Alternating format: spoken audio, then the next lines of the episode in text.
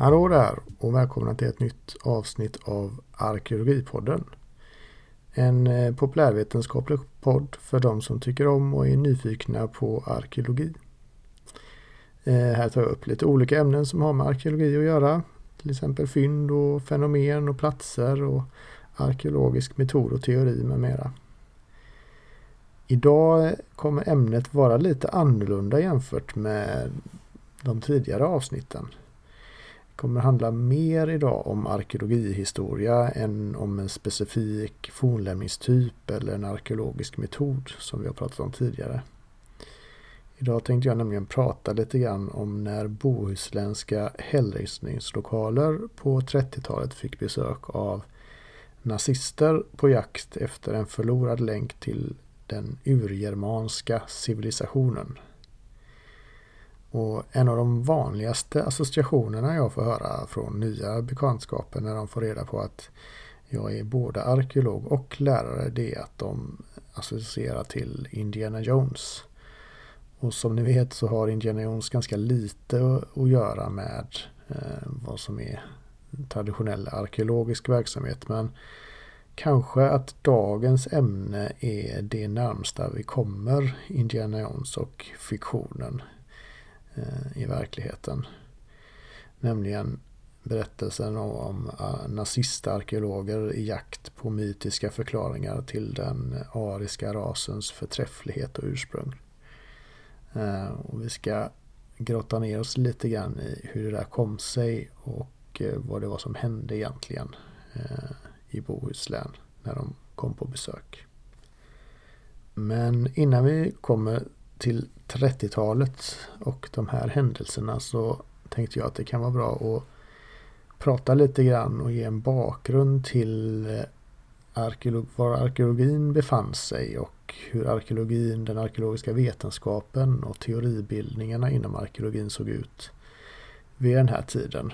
Och om vi spolar tillbaks ytterligare några år, årtionden eller kanske hundra år innan 1930-talet så har vi en, ett embryo till arkeologin som börjar växa fram under 1800-talet. Eh, det är under 1800-talet som arkeologin formeras som en egen vetenskap. Och som så många andra vetenskaper under den perioden så präglas den mycket av de rådande naturvetenskaperna eh, och den, de evolutionära teorierna som är på frammarsch under den perioden. Och de evolutionära teorierna påverkar även de samhällsvetenskapliga ämnena. Och i slutet av 1800-talet kan man inom arkeologin urskilja en speciell teoribildning som senare har kommit att kallas för kulturarkeologi eller kulturkretslära. Och den här eh, teoribildningen eller det här sättet att prata om arkeologi och forntiden den dominerar arkeologin ända fram till mitten av 1900-talet då den börjar förändras igen. Och i mångt och mycket så lever spår av det här kvar idag. Um, inte minst i hur man pratar om forntida grupper av människor och hur de hänger ihop. Jag vet till exempel att jag har nämnt i något tidigare avsnitt eh, att jag har pratat om olika stenålderskulturer som fanns på eh, västkusten Eh, och det här språkbruket är en rest av den här inriktningen av arkeologin kan man säga. Men man lägger kanske inte samma värderingar eller samma slutsatser i begreppen nu som man gjorde eh, ursprungligen. Och anledningen till att den här arkeologin eller den här inriktningen växer fram är att man tidigare under 1800-talet har haft en mer evolutionärt baserad Eh, Eh, syn på forntiden. Där man då när man har samlat in material från olika platser har försökt kronologiskt rangordna de här eh, fynden för att skapa sig en kronologi. Eh, och man tolkar det oftast då som att en viss typ, ett visst mönster eller en viss variant av ett föremål var kopplat till en specifik tidsperiod. Men med tiden börjar man få så mycket material så att det stämmer inte riktigt att man kan placera in det enbart på en tidsaxel så utan det måste finnas någonting annat för variationen är så stor på föremålen så det måste finnas en annan förklaring till att de ser annorlunda ut än att de kommer från olika tidsperioder. Och man börjar då dra slutsatser att likheter i material Eh, som kommer från ett specifikt område berodde på att människorna som levde i det området på den tiden delade en gemensam kultur. Att man tillhörde då en gemensam kultur. Och det här begreppet kultur i början av 1900-talet då var det också självklart att koppla ihop det här kulturbegreppet med Eh, Eh, begrepp som ras och etnicitet och folk. Så man såg egentligen de här olika kulturerna som olika folkgrupper kan man säga. Eh, att man hade mer gemensamt eh, med varandra än att man bara hade föremål som liknande varandra. Utan att de här likheterna i föremålen betydde att man hade en gemensam Eh, begreppsvärld och eh, kanske religion och föreställningsvärld och sådär. Eh, att, idé, att det fanns också en idé om att man tillhörde samma folk. Det var liksom slutsatser man ansåg sig kunna dra av likheterna i, i materialet. Vilket då stämmer överens med de här teorierna om olika raser och folk som man hade vid den här tiden. Eh, och i Tyskland som vi kommer prata en del om så fanns det under början av 1900-talet eh, bland flera framstående eh, forskare inom det här ämnet. Bland annat fanns det en framstående språkforskare och arkeolog som heter Gustav Kossina. Och han hade då bland annat genom språkliga studier i kombination med ett, så här i efterhand kan man konstatera, ett godtyckligt, godtyckligt studie av arkeologiska lämningar Eh, så påstod han sig eh, kunna eh, visa att han kunde placera indoeuropeernas urhem till ett område i norra Tyskland och i Danmark. Och kunde då hävda att alla kända västerländska civilisationer hade haft sitt ursprung från det här området. Och detta som man kan förstå spelade ganska väl in i den senare eh, ideologiskt präglade eh, arkeologin och eh, världsbilden som nazisterna hade. Ehm, där man hade då en idé om att germanerna och ariernas ursprungsplats var just i, i norra Europa och i Norden framförallt. Kossina fick kritik för de här teorierna redan under början av 1900-talet. Det här var ju innan 30-talet som han var verksam med framförallt. Eh, för många hade redan då placerat det indoeuropeiska ursprunget eh, där vi placerar det idag, alltså närmare Indien eller i Ryssland någonstans snarare. Och att det är därifrån folkgrupper med den här gemensamma språkgruppen eh, hade spritt sig ifrån. Så det var, det, det var inte utan kritik under sin tid, det här, de här teorierna. Nu dog eh, Kossina eh, redan 1931 och det är ju väldigt oklart hur han hade ställt sig till eh, hur hans och andras, för det var fler som hade de här idéerna, hur han hade ställt sig till hur de användes och hur de tolkades i den nazistiska världsbilden sen. Men man kan se av hans texter att de var ganska uttalat rasistiska och de blev mer och mer rasistiska med tiden. Han var dock aldrig medlem i, i partiet eller så. Men det är väl ganska troligt att han kanske inte hade haft så jättemycket emot hur de här idéerna hade använts, kom att användas. Så även om det var så att idéerna om det här urgermanska eh, området i Norden, att de inte var allmänt accepterade så var det ändå en ganska vanlig föreställning. Och det passade också in i sättet som man pratar om arkeologiska kulturer på den här tiden. Ehm, alltså en arkeologisk kultur eller en forntida kultur som jag sa innan likställdes oftast med ett folk. Ehm, och att man kunde spåra liksom ett folks utveckling på en plats genom att studera fynden inom det här geografiska området. Då. Och man kunde spåra sig bakåt i tiden och det var det bland annat så Kossina menade att man kunde se att det här indoeuropeiska urhemmet låg eh, i norra Tyskland. Men det hör ju också tiden till att det fanns ett eh, kulturchauvinistiskt eller etnocentriskt drag där man då också ställde de här olika kulturerna som man kanske såg levde samtidigt mot varandra. Och där det då fanns vissa kulturer som ansågs vara starkare och mer framstående. Och att det var en naturlig utveckling att de här mer framstående kulturerna dominerade de andra läg lägre stående eh, grupperna eller folken. Och att man då kunde påverka och komma i kontakt de kulturerna man kom i kontakt med eller ren, rent ut sagt erövrade dem. Så man hade inte heller helt kopplat bort den här liksom, evolutionära biten i det hela. Utan man kunde också i vissa fall placera in de här olika kulturerna på en liksom, eh, social, eh, e, socialt evolutionär skala. Där det var vissa som då ansågs stå, kulturer som så ansågs stå högre. Eh, var mer utvecklade eller var mer anpassade efter sin omgivning för att använda ett Eh, darwinistiskt eh, språkbruk. Och att det också då på så sätt var naturligt för dem att eh, erövra andra kulturer som var, då sågs som lägre stående.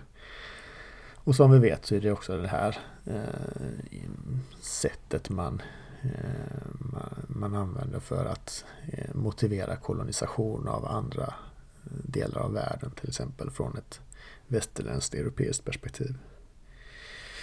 Men det blev också då ett effektivt propagandavapen i den som dåvarande nationalistiska och eh, ideologiska argumentationen om det tyska folkets rätt att dominera andra folk. Och det här var som sagt var inte någonting som bara skedde i Tyskland utan det var ju vanligt i många av de västerländska europeiska eh, länderna att man, att man hade det här synsättet. Eh, att man präglades av ett nationalistiskt eh, perspektiv och språkbruk i, inom många vetenskaper.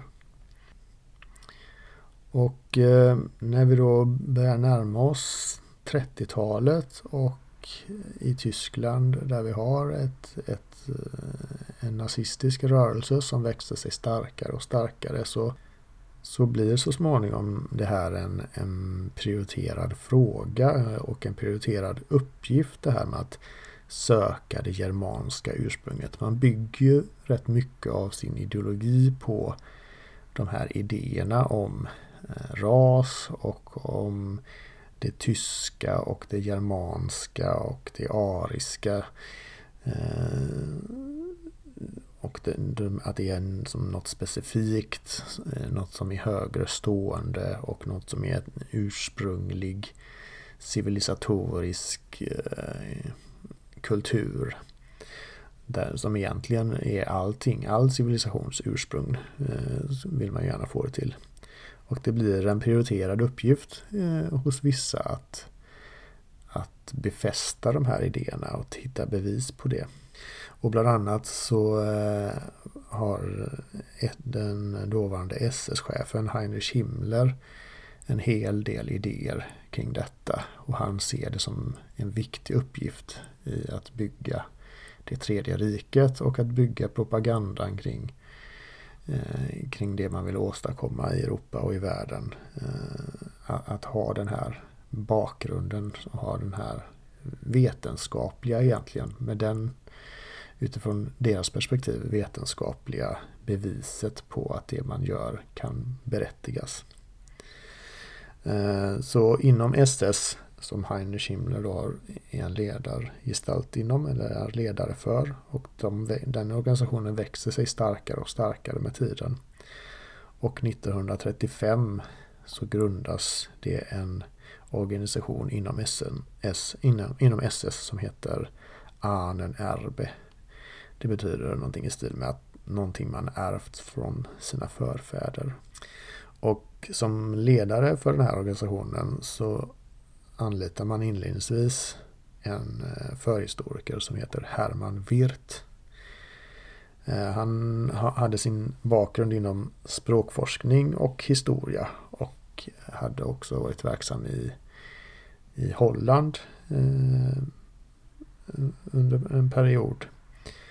Och han beskrivs tidigare, för han hade publicerat en del skrifter eh, som gjorde att han blev aktuell för den här tjänsten. Och han beskrivs till exempel av den svenska arkeologen vid något tillfälle som en vetenskapens Hitler.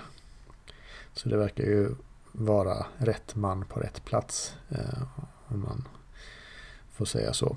Eh, för det verkar ju som att det var i linje med det som Himmler och andra ville, ville uppnå med den här organisationen. Och Ahnenerbe kan man säga är ett elitforskningsinstitut som har två officiella syften. Dels ska man ta fram nya bevis på Tysklands förfäders prestationer sedan stenåldern. Och man ska göra detta med vetenskapliga metoder. Och man ska också förmedla de här resultaten till allmänheten. Man ska alltså ta fram information och fakta som visar på, och eh, vilka eh, grundläggande eh, och viktiga utvecklingsfaser som man kan se i det tyska arvet. Och lyfta detta då till så att allmänheten blir medvetna om detta. Men i verkligheten så var det de här vetenskapliga metoderna och vetenskapligheten var ju underordnad såklart. En ideologisk präglad verksamhet. Eh, så det var en kraftigt styrd verksamhet. Det gick ju inte att komma fram till vad som helst om man säger så. Så den var ju kraftigt tendentiöst. Och man sysslade också med en hel del mytologiska eh, bitar som vi ska se strax som kanske inte alls går att eh, hävda är speciellt vetenskapliga. Och det kan man också se på den här Herman Wirths bakgrund, Eh, vilket vi kommer till strax, i vad han hade skrivit om innan. Men det viktiga ju var då att man, man hittade fakta och information som passade in i den här eh, nazistiska självbilden av det tyska folkets förträfflighet. Och 1939 när man hade varit verksam några år så hade man eh, 137 avlönade forskare. Och därtill kom då en, en ganska omfattande uppsättning av medhjälpare. Och mycket av forskningen under den här tiden pekade på att det var Asien och Främre Orienten som var ursprunget för mycket av, av de civilisationer som vi senare kommer att se i Europa. Eh, och att det var snarare där de här civilisations, de första civilisationerna Eh, som kom att prägla Europa eh, härstammar härstammade ifrån. Och det här var ju ett problem för den eh, nazistiska självbilden som då istället såg att det var germanerna och den här ja, skumma gruppen arier som man eh, mer eller mindre hittar på som folkgrupp. Eh, att det var som de, det som var civilisationens ursprung. Inte de här civilisationerna som man kunde se i, i Främre Orienten. Och det var då ett eh, mer eller mindre uttalat uppdrag för Ahnenerbe att eh, forska fram resultat som motsade den här bilden och som visade och bekräftade att, eh, att det var germanerna som var civilisationens skapare eller urgermanerna om man vill hitta något som låg innan de, de redan då kända germanska folkgrupperna. Och sen fanns det också ett annat syfte som, kanske, som Himmler hade. att man, man såg också att det, det var viktigt att återupptäcka det urgermanska arvet och den kunskap som man ansåg att de här tidiga civilisationerna hade.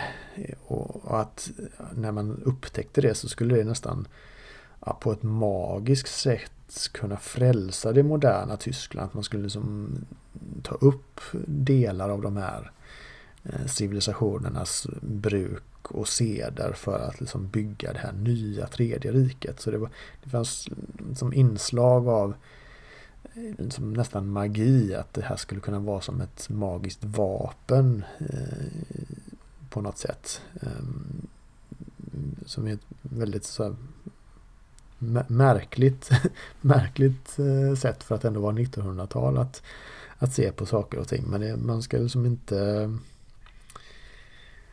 Ehm, man ska inte eh, undervärdera den eh, faktorn kanske. Det kan ju ha varit en drivkraft åtminstone för, eh, för de som valde att satsa på detta. Och det, Annenerbe präglades också av en del mytologiska föreställningar. Och bland annat har det att göra med en speciell man som man anlitade eh, Eh, som hette Karl Maria Willigut. Eh, och han rekryterades av Himmler i början för, som rådgivare för att hitta, man, man letade efter en plats som gärna skulle vara präglad av legender och myter eh, där man skulle etablera en akademi för högt uppsatta SS-män. Alltså en ut, utbildningsinstitution. Och den här Willigut hade innan, innan han blev anlitad av, av Ahnenerb och Himmler hade spenderat flera år på mentalsjukhus och hade led av ganska kraftiga vanföreställningar. Han påstår bland annat att han var släkt i nedstigande led med både guden Tor och den germanska stamhövdingen Arminus som var den eh, stamhövding som som besegrade tre romerska legioner i slaget vid Teutoburgerskogen runt eh, början av vår, tidräknings början. Ehm, så han var inte...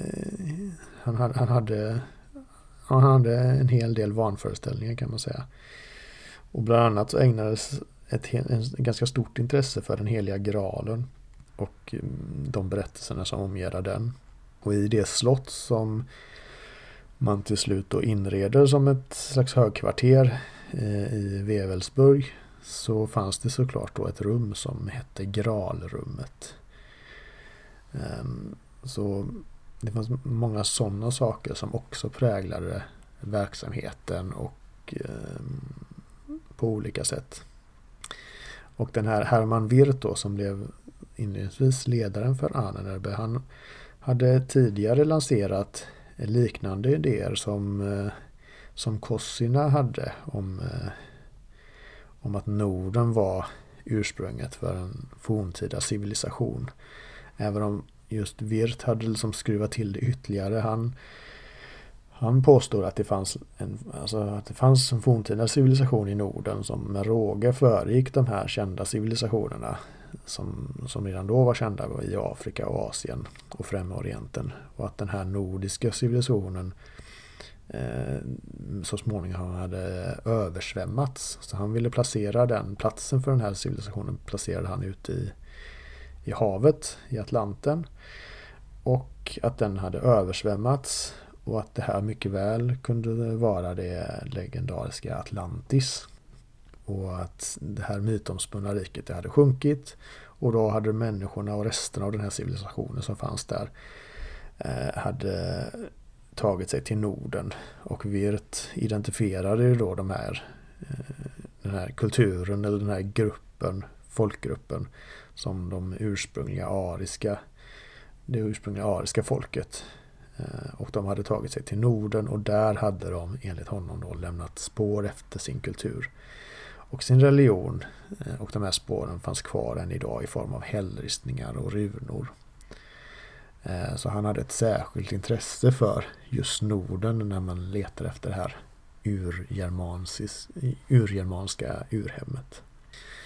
Ehm, och det fanns ju ett problem såklart. Det fanns många problem med de här idéerna men ett problem var att de flesta forskarna redan på 30-talet var överens om att det första skriftsystemet som var känt i Norden det var då runorna och det hade uppkommit eh, först runt år 250 ungefär efter vår tidräkningsbörjan. Eh, så det var svårt att påstå vetenskapligt att, att runorna skulle vara ett skriftsystem som härstammade från en civilisation som fördaterade Eh, de eh, egyptiska eller mesopotamiska eh, civilisationerna. Och de skriftsystemen ansågs ju, alltså de som man använde i Egypten och Mesopotamien, de ansågs ju redan då vara äldre än alltså 3500 år före vår tidräkningsbörjan hade man ju liksom bekräftat att det fanns andra skriftsystem. Och det blev ju då ett problem för Wirt när, när han ville istället placera ett skriftsystem och en civilisation som, eh, som hade funnits långt tidigare än, än de här civilisationerna i Norden då. Ehm, och därför var han övertygad om att hällristningarna var en tidig form av skriftsystem och att det var dem man skulle dokumentera. Och att man där hade en, en, som en förlaga till ett skriftsystem där man använde, hade använt bilder och tecken som eh, idébärande. Eh, som, en, som ideogram, alltså betydelsebärande tecken. Och att det skulle vara en rest av den här civilisationen som man menar hade funnits där. Eh, och genom att studera hällristningar så skulle man då kunna hitta en väg att kunna förstå de här urgermanernas sinnevärld och deras religion. Att man liksom skulle kunna liksom läsa deras heliga skrift på, på sätt och vis om man lärde sig att tyda de här bilderna på hällarna. Så därför var det en prioriterad eh, fråga för honom åtminstone att eh, så snart som möjligt ta sig eh, till platser där det fanns hällristningar. Och därför var en av de första expeditionerna som Ahnenerbe, för Ahnenerbe gjorde många expeditioner under sin eh, verksamma tid. Men den första, eh, en av de första utfördes eh, i, i, under 1936. Ahnenerbe hade ju grundats 1935 och en av de första gick då till Bohuslän. Då hade Virt hade varit i Bohuslän eh, innan, på, eh, innan den här aktuella expeditionen. Han hade varit där redan hösten 1935 och hade redan då dokumenterat ett antal hällristningar. Problemet var då att när man sen då till slut efter att ha fått ekonomiska medel från eh, Himmler bland annat att genomföra den här nya expeditionen så hade man lite problem med att få tillstånd från eh, Svenska Riksantikvarieämbetet. För när Virt hade varit där året innan så hade det visat sig att han hade gjort en del åverkan på de hällristningarna han eh, hade gjutit av. Han hade också gjutit av ristningar som han inte hade haft tillstånd att göra. Och han hade också lämnat kvar rester av, av eh, de här gipsformarna som han hade använt på platsen. Så att barn bland annat hade, hade använt gipset för att kladda på fornlämningarna. Så man var inte helt nöjd med hur det, hur det hade gått till förra gången han var där. Så då, det drog ut lite på tider innan de fick tillståndet till slut att genomföra expeditionen. Ehm, och därför kom de iväg ganska sent på säsongen. Ehm, de kom iväg i slutet av, 19, av sommaren 1936. Eh, och man tog sig då med, med bil eh, båt och bil upp eh, längs kusten. Eh, och första stoppet i Bohuslän blev i hällristningarna i Backa som ligger strax eh, norr om Lysekil. Och det här är ett väldigt eh, speciellt område där det ligger en stor mängd ristningar på ett ganska lit, inom ett ganska litet område. Och de ligger väldigt speciellt längs en gammal väg ehm, så det är inom gångavstånd så hittar man ett 20-tal lokaler med hällristningar. Och det är bland annat i det här området man hittar den så kallade skomakaren. Vilket är en, en unik bild av en nästan två meter stor eh, mansfigur som håller en yxa över sitt huvud. Väldigt eh, speciell hällristning. Eh, och hällristningarna här ligger i kanten av ett jordbruksområde. Ehm, och ehm, det finns beskrivningar av hur Virt, då Herman Wirt, springer omkring i de här och är väldigt energisk. Han, han är känd för att ha väldigt, väldigt liksom, effektivitet och han, han, han arbetar frenetiskt med att dokumentera de här hällristningarna. Men det är inte kanske figurerna där man, som man ser direkt vad de föreställer som intresserar honom mest utan det det de är intresserade av här är ju de här lite mystiska figurerna som man kanske inte riktigt vet vad de betyder. Alltså cirklar och streck och eh, andra liksom mer teckenliknande bilder som de tolkar det som. Som, som är av större intresse för det är här man menar det här dolda språket finns. Om man gjuter av eh, med stora eh, träramar eh, som man fyller med gips. Man tätar ramarna och fyller dem med gips så att man får en stor avgjutning och vissa av avgjutningarna kan vara flera meter stora. Och väger i vissa fall flera hundra kilo. Så det är ett ganska omfattande arbete med att göra de här avgjutningarna. Och man transporterar dem eh, med stor möda då på bil ner till Göteborg och sen transporteras de vidare till, eh, till Berlin. Och eh, Wirth skryter om, om sitt arbete här och säger att de här avgjutningarna som man gör i Sverige, i Bohuslän, de, de kommer vara den största och mest omfattande dokumentationen av hällristningar som finns. Och den som vill studera hällristningar måste i framtiden då komma till Berlin för att kunna hitta en liknande, eh, lika stor koncentration av hällristningar på, på samma plats. Och det här visar sig, det, det stämmer ju inte. Man, han, han undervärderar rätt rejält hur, hur bra koll man hade eh, och hur, hur väl man liksom tog hand om hällristningarna i Sverige eh, vid den här tiden. Ehm, det var liksom inte alls så eftersatt som, som han hävdar att, att det var.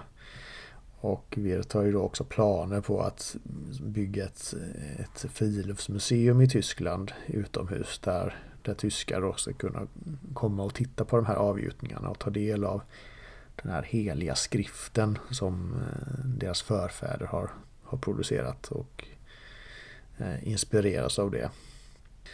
Ehm, och ganska snart, eh, Virt blir inte så långvarig inom Ahnenerbe.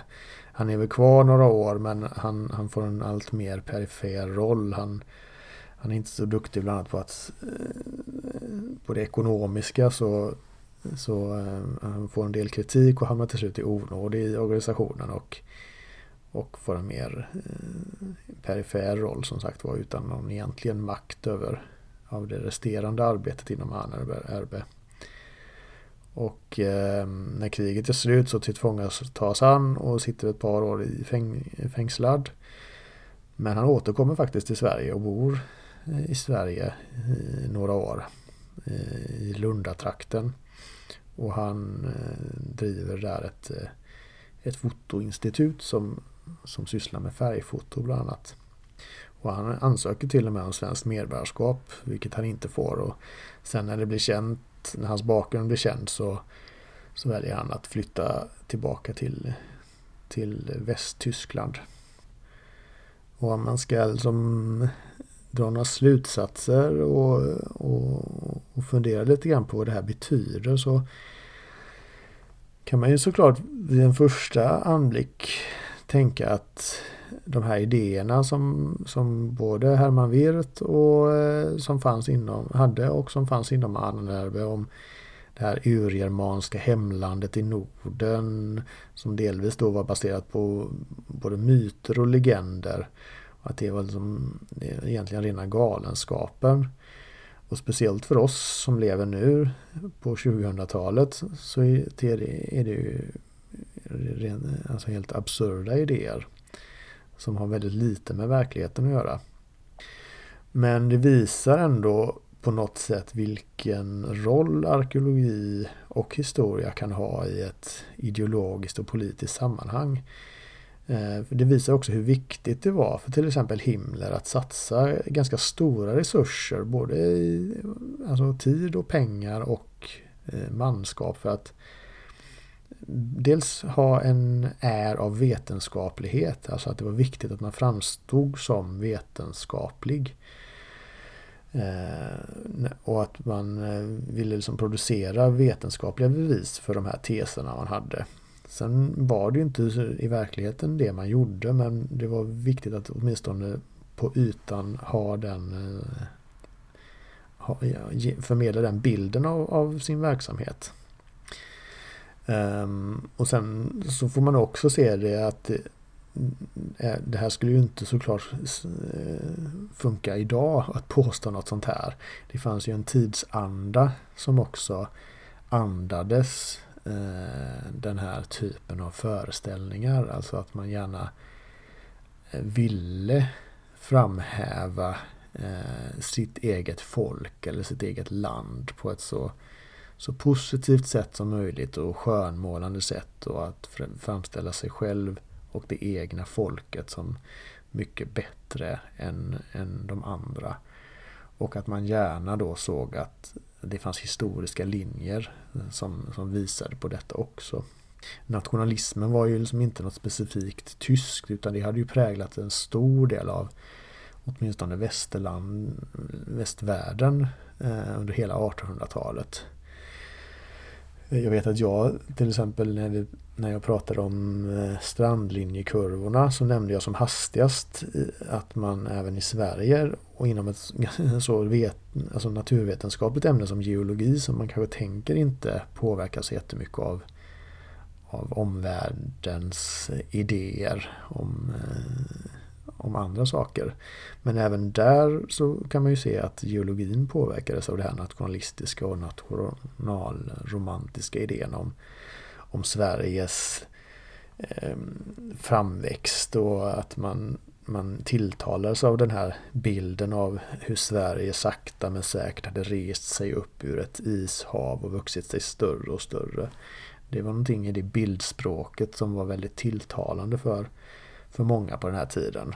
Ehm, vilket gjorde att man kanske också på något sätt begränsade sina möjligheter att komma fram till andra slutsatser.